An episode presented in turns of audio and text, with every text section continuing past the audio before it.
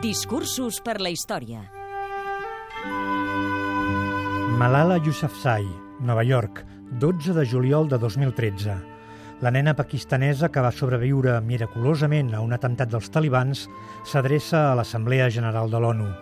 En un moment del seu emotiu discurs, explica que els extremistes tenen por dels llapisos i els llibres i del poder de la veu de les dones. Per això, diu, les maten.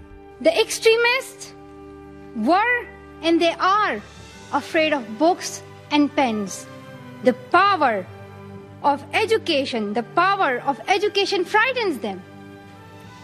They are afraid of women.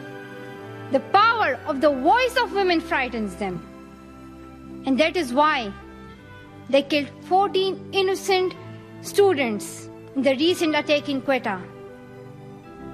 And that is why they killed female teachers and polio workers in Khyber Pakhtunkhwa.